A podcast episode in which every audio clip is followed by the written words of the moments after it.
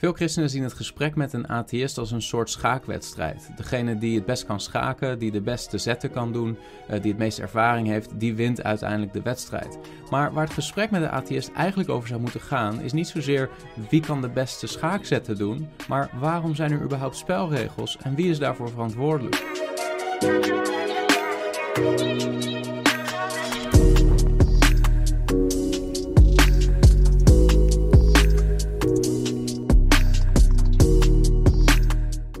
Vorige week hebben we het al gehad over uh, inductie en over de benodigde uniformiteit van de natuur. En hebben we gezien dat de uniformiteit van de natuur slechts te baseren is op God en wie God is. En het feit dat God zijn schepping in stand houdt. Nu zullen we het hebben over deductie, een ander belangrijk aspect voor rationele gesprekken, voor uh, logisch kunnen denken, beredeneren uh, en voor het kunnen doen van wetenschappelijk onderzoek.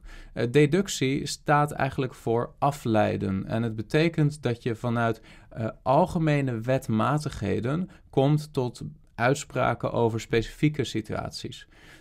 Een voorbeeld daarvan luidt als volgt: als je de premisse of de algemene regel hebt, alle mensen zijn sterfelijk, en vervolgens nog een premisse, de regel Socrates is een mens, dan kun je daaruit de conclusie trekken door middel van de logica en door middel van uh, afleiding.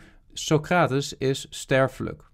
Nogmaals, alle mensen zijn sterfelijk. Dat is de eerste premisse, de major premisse. Socrates is een mens, dat is de tweede premisse, de minor premisse. En de conclusie is, Socrates is dus sterfelijk. Dat noem je een deductieve redenering. Rationeel redeneren of deductief redeneren betekent dat je redeneert uh, door gebruik te maken van de wetten van de logica. Een rationeel wereldbeeld moet dan ook een rechtvaardiging hebben voor het bestaan en de eigenschappen van die wetten van de logica. Onderdeel van rationaliteit is namelijk dat we een goede reden hebben voor onze overtuigingen. We moeten dus een goede reden of een goede basis hebben om te geloven dat de wetten van de logica eh, bestaan en dat ze ons zullen leiden tot de juiste conclusies. De wetten van de logica zijn door de hele geschiedenis van de filosofie uh, beschreven door verschillende filosofen. Uh, de eerste die dat duidelijk heeft gedaan was Aristoteles in de vierde eeuw voor Christus. Maar het werd ook gedaan door bijvoorbeeld Bertrand Russell in de 20ste eeuw. Door de hele geschiedenis van de filosofie heen werd gesproken van de wetten van de logica. Drie wetten die door veel filosofen erkend werden, waren de volgende. Allereerst de wet van identiteit. Uh, en de wet van identiteit wil eigenlijk zeggen: P is P. Oftewel, wat is, dat is. Uh, om een praktisch voorbeeld te geven daarvan. Uh, wanneer je zegt het regent, uh, dan betekent dat dat het regent. Of het betekent dat een object zichzelf is. Dit klinkt misschien vaag, maar als je weer even teruggaat naar het voorbeeld van deductief redeneren, waarbij we zeiden alle mensen zijn sterfelijk en Socrates is een mens, dan kan het niet zo zijn dat mens in de ene stelling opeens iets heel anders betekent dan in de andere stelling. Uh, dat noem je de wet van identiteit en dat heb je nodig om logisch te kunnen redeneren. Een tweede wet van de logica die door vele filosofen erkend werd is de wet van non-contradictie. In normale taal zegt de wet van non-contradictie dat het niet het geval kan zijn dat zowel P als niet-P tegelijkertijd waar zijn in dezelfde zin en op hetzelfde moment. P en niet-P kunnen niet tegelijkertijd en in dezelfde zin juist zijn. Dit klinkt heel vaag, maar een voorbeeld daarvan, dan zul je het beter begrijpen, is uh, je kan niet zeggen mijn auto staat op de parkeerplaats geparkeerd en het is zo dat mijn auto niet op de parkeerplaats geparkeerd staat. Die twee stellingen kunnen nooit tegelijkertijd en op dezelfde manier waar zijn, omdat ze tegenstrijdig zijn. Een derde wet van de logica is de zogenaamde wet van het uitgesloten midden. Dat wil zeggen, elke uitspraak P is of waar of niet waar. Ofwel P of niet P. Het regent is ofwel waar of niet waar. Er is geen midden, er is niet iets daartussenin. Dit zijn drie voorbeelden van wetmatigheden die wij als mensen gebruiken om rationeel en logisch te kunnen redeneren. Elk weldenkend, rationeel mens gebruikt deze wetten in zijn denken zonder dat hij zich daar bewust van is vaak.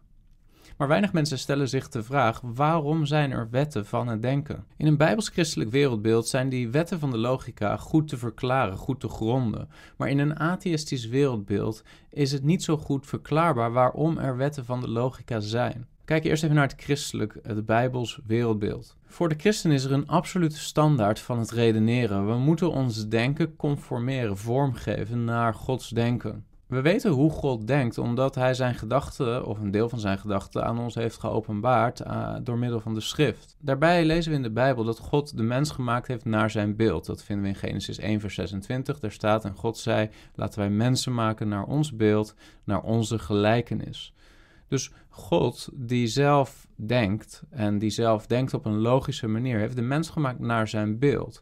Uh, inclusief het denken van de mens, om het denken van God te weerspiegelen. Om die reden zijn wij geschapen om Gods denkstijl over te nemen en te reflecteren. Wij denken logisch omdat God ons gemaakt heeft naar zijn beeld en God zelf logisch denkt. De wetten van de logica weerspiegelen dan ook de manier waarop God denkt en de manier waarop God verwacht dat wij denken om hem te weerspiegelen. De wet van non-contradictie vloeit dan ook niet eh, zomaar voort vanuit de mening van een persoon over hoe we zouden moeten denken op een logische manier, maar eh, deze wet van non-contradictie vloeit voort uit Gods natuur en zijn zelfconsistente aard. God kan zichzelf niet ontkennen. Dat lezen we ook in de schrift. In 2 Timotheus 2 vers 13, daar lezen we... Als wij ontrouw zijn, blijft hij getrouw. Hij kan zichzelf niet verloochenen. Er zijn bepaalde dingen die God niet kan doen... en één daarvan is zichzelf verloochenen. God kan zichzelf niet verloochenen. Dus God is zelf consistent. Daarbij lezen we in de schrift dat alle waarheid in God is. Bijvoorbeeld in Johannes 14 vers 6, daar zegt de Heer Jezus Christus... Ik ben de weg, de waarheid en het leven...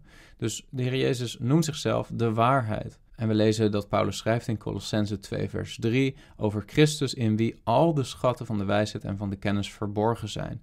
Uh, dus met andere woorden, uh, waarheid zal zichzelf niet tegenspreken, omdat God die de waarheid is, zichzelf niet verlogend, intern consistent is. Uh, en we lezen ook in de schrift dat God niet kan liegen. Dus waarheid en leugen zijn van elkaar gescheiden, zoals licht en duisternis omdat God het universum door zijn kracht voortdurend in stand houdt, zoals we ook in de vorige video hebben gezien, verwacht de consistente christen dan ook dat geen enkele tegenstrijdige stelling ooit ergens in het universum waar zal zijn. De wetten van de logica hebben enkele eigenschappen die ook alleen maar goed verklaarbaar zijn vanuit het bijbels-christelijk wereldbeeld. Zo zijn de wetten van de logica abstract, ze zijn immaterieel. Je kunt ze niet aanraken, je kunt je voet er niet aan stoten, je kunt ze niet per ongeluk inslikken. Ze zijn niet gemaakt van materie. Ze hebben dan ook geen locatie in het heelal. Ze hebben te maken met ideeën. We gebruiken ze om ideeën te analyseren en op de juiste manier te redeneren. Daarnaast zijn de wetten van de logica universeel. Ze zijn overal van toepassing. Of dat je nu naar China vliegt of je blijft in Nederland.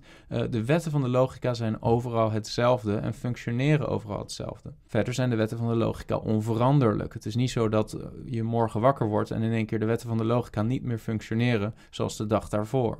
Daarnaast zijn de wetten van de logica zonder uitzondering. Het is niet slechts een algemene trend die het grootste deel van de tijd werkzaam is. De wetten van de logica zijn altijd waar en kenmerken altijd de juiste wijze van redeneren.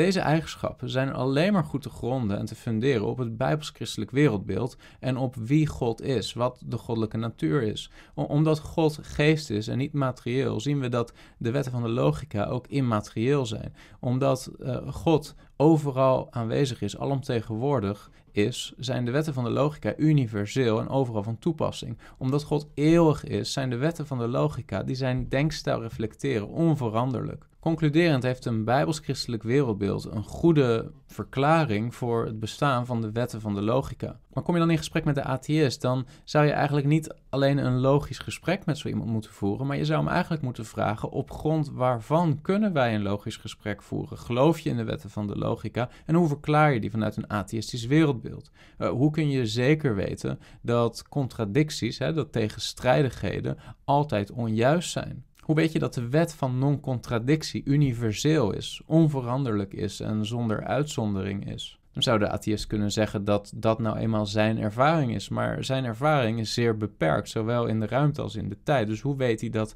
de wetten van de logica altijd en overal van toepassing zijn? Als je dat soort vragen stelt aan de atheïst, dan krijg je vaak een aantal bezwaren terug. Een van de bezwaren die je vaak hoort is dat de atheïst zegt: Ja, maar hoor eens, ik kan prima rationeel redeneren zonder God. Maar dat is een fout antwoord. Eh, wij beweren niet dat de atheïst niet rationeel kan redeneren of dat hij niet gebruik kan maken op een correcte wijze van de wetten van de logica. Wat we zeggen is dat hij in zijn wereldbeeld geen goede fundering heeft voor het bestaan van de wetten van de logica. Het is hetzelfde alsof iemand zou zeggen: lucht is niet noodzakelijk om te kunnen ademen, want ik geloof helemaal niet in lucht en ik kan toch ademen. En niemand beweert dat geloof in lucht nodig is om te kunnen ademen, maar de aanwezigheid van lucht is wel nodig om te kunnen ademen. Op dezelfde wijze is het niet zo dat wij zeggen: je moet in God geloven om gebruik te kunnen maken van de wetten van de logica, maar we zeggen: het feit dat de wetten van de logica er zijn en door jou gebruikt worden, is een bewijs voor het bestaan van de God die die wetten van de logica rechtvaardigt. God is namelijk de noodzakelijke vooronderstelling om rationeel redeneren door middel van de wetten van de logica te kunnen rechtvaardigen. Een ander bezwaar wat je soms hoort van de atheïst is dat hij zegt: ja, maar de wetten van de logica die, dat zijn geen echte wetten, dat zijn gewoon conventies, dat zijn gewoon impliciete afspraken die we als mensen met elkaar hebben gemaakt. Maar als dat zo zou zijn, dan zouden de wetten van de logica relatief zijn. Dan zou ik mijn eigen wetten kunnen hebben en jij andere wetten kunnen hebben. Dan zou rationeel debat niet mogelijk zijn. Dan zou ik het debat kunnen winnen met de atheïst door gewoon de regels te veranderen. Door een andere logica-wet te hanteren dan de atheïst.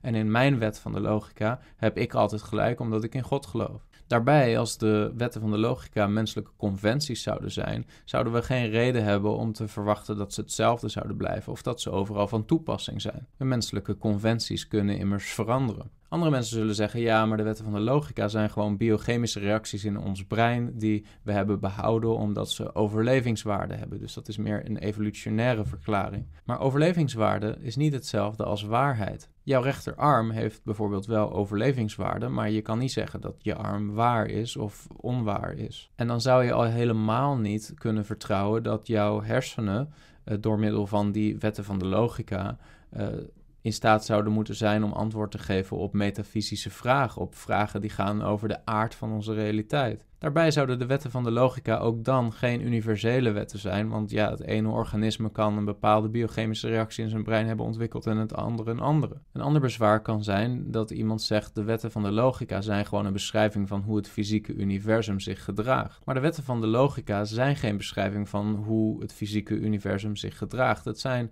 conceptuele wetten. Ze zijn conceptueel van aard. Ze beschrijven de juiste keten van het redeneren door middel van premissen naar conclusies. En als dat zo zou zijn, dan zou misschien op een andere planeet zouden er andere wetten van de logica van toepassing zijn. Ook zouden we dan niet weten of dat de wetten van de logica zich in de toekomst nog zullen gedragen zoals in het hier en nu. Want de toestand van het universum is immers aan verandering onderhevig. Een ander zal als bezwaar geven dat de wetten van de logica gewoon een beschrijving zijn van hoe onze hersenen denken. Maar hoe zou je dan de wetten van de logica kunnen gebruiken om de wijze waarop jouw hersenen denken te corrigeren? Want dat is wat we in de praktijk doen door middel van rationeel debat. Een ander zal zeggen: ja, ik gebruik de wetten van de logica omdat ze werken. Dus weer opnieuw een pragmatisch argument. Maar de vraag is niet of ze werken. De vraag is waarom ze werken en hoe je dat kunt rechtvaardigen. Waarom zou er in een toevallig ontstane evolutionaire wereld universele, onveranderlijke wetten zijn? Een ander zal zeggen: Ik geloof niet in de wetten van de logica, dus ik hoef ze ook niet te rechtvaardigen. Maar deze uitspraak weerlegt zichzelf, want dit is al een gevolgtrekking waarin de atheïst logica gebruikt om een stelling neer te zetten. Als je zegt, ik geloof niet in de wetten van de logica, dus ik hoef ze ook niet te rechtvaardigen, dan maak je gebruik van een logische redenering in die zin. Dan gebruik je in feite logica om aan te tonen dat je geen logica nodig hebt. Dat is geen geloofwaardige uitspraak. Dus we komen tot de conclusie in een atheïstisch wereldbeeld dat de wetten van de logica een serieus probleem zijn. Bijna elke atheïst weet intuïtief wel dat hij een logische redenering, een logische onderbouwing moet hebben voor zijn wereldbeeld. Maar in het atheïstisch wereldbeeld is er geen goede onderbouwing voor het bestaan van de wetten van de logica. Zeker de materialist die gelooft dat de realiteit slechts bestaat uit materie, heeft in dat wereldbeeld geen basis voor de immateriële wetten van de logica. Maar in het christelijk wereldbeeld weten we dat de wetten van de logica de wijze waarop God denkt weerspiegelt. En we kennen het denken van God vanuit de schrift en vanuit zijn zelfopenbaring. En daarnaast vanuit het feit dat hij ons gemaakt heeft naar zijn beeld. Dus ik wil je adviseren om volgende keer dat je in gesprek bent met de atheïst, om het niet te zien als een schaakspel waarbij je ernaar streeft om de beste schaker te zijn, maar om de atheïst gewoon te vragen: waar haal jij de spelregels vandaan en op grond waarvan kun jij schaken? Heb je iets gehad aan deze video? Druk dan op like en wil je vaker dit soort apologetische video's zien? Abonneer dan op dit kanaal. God zegen.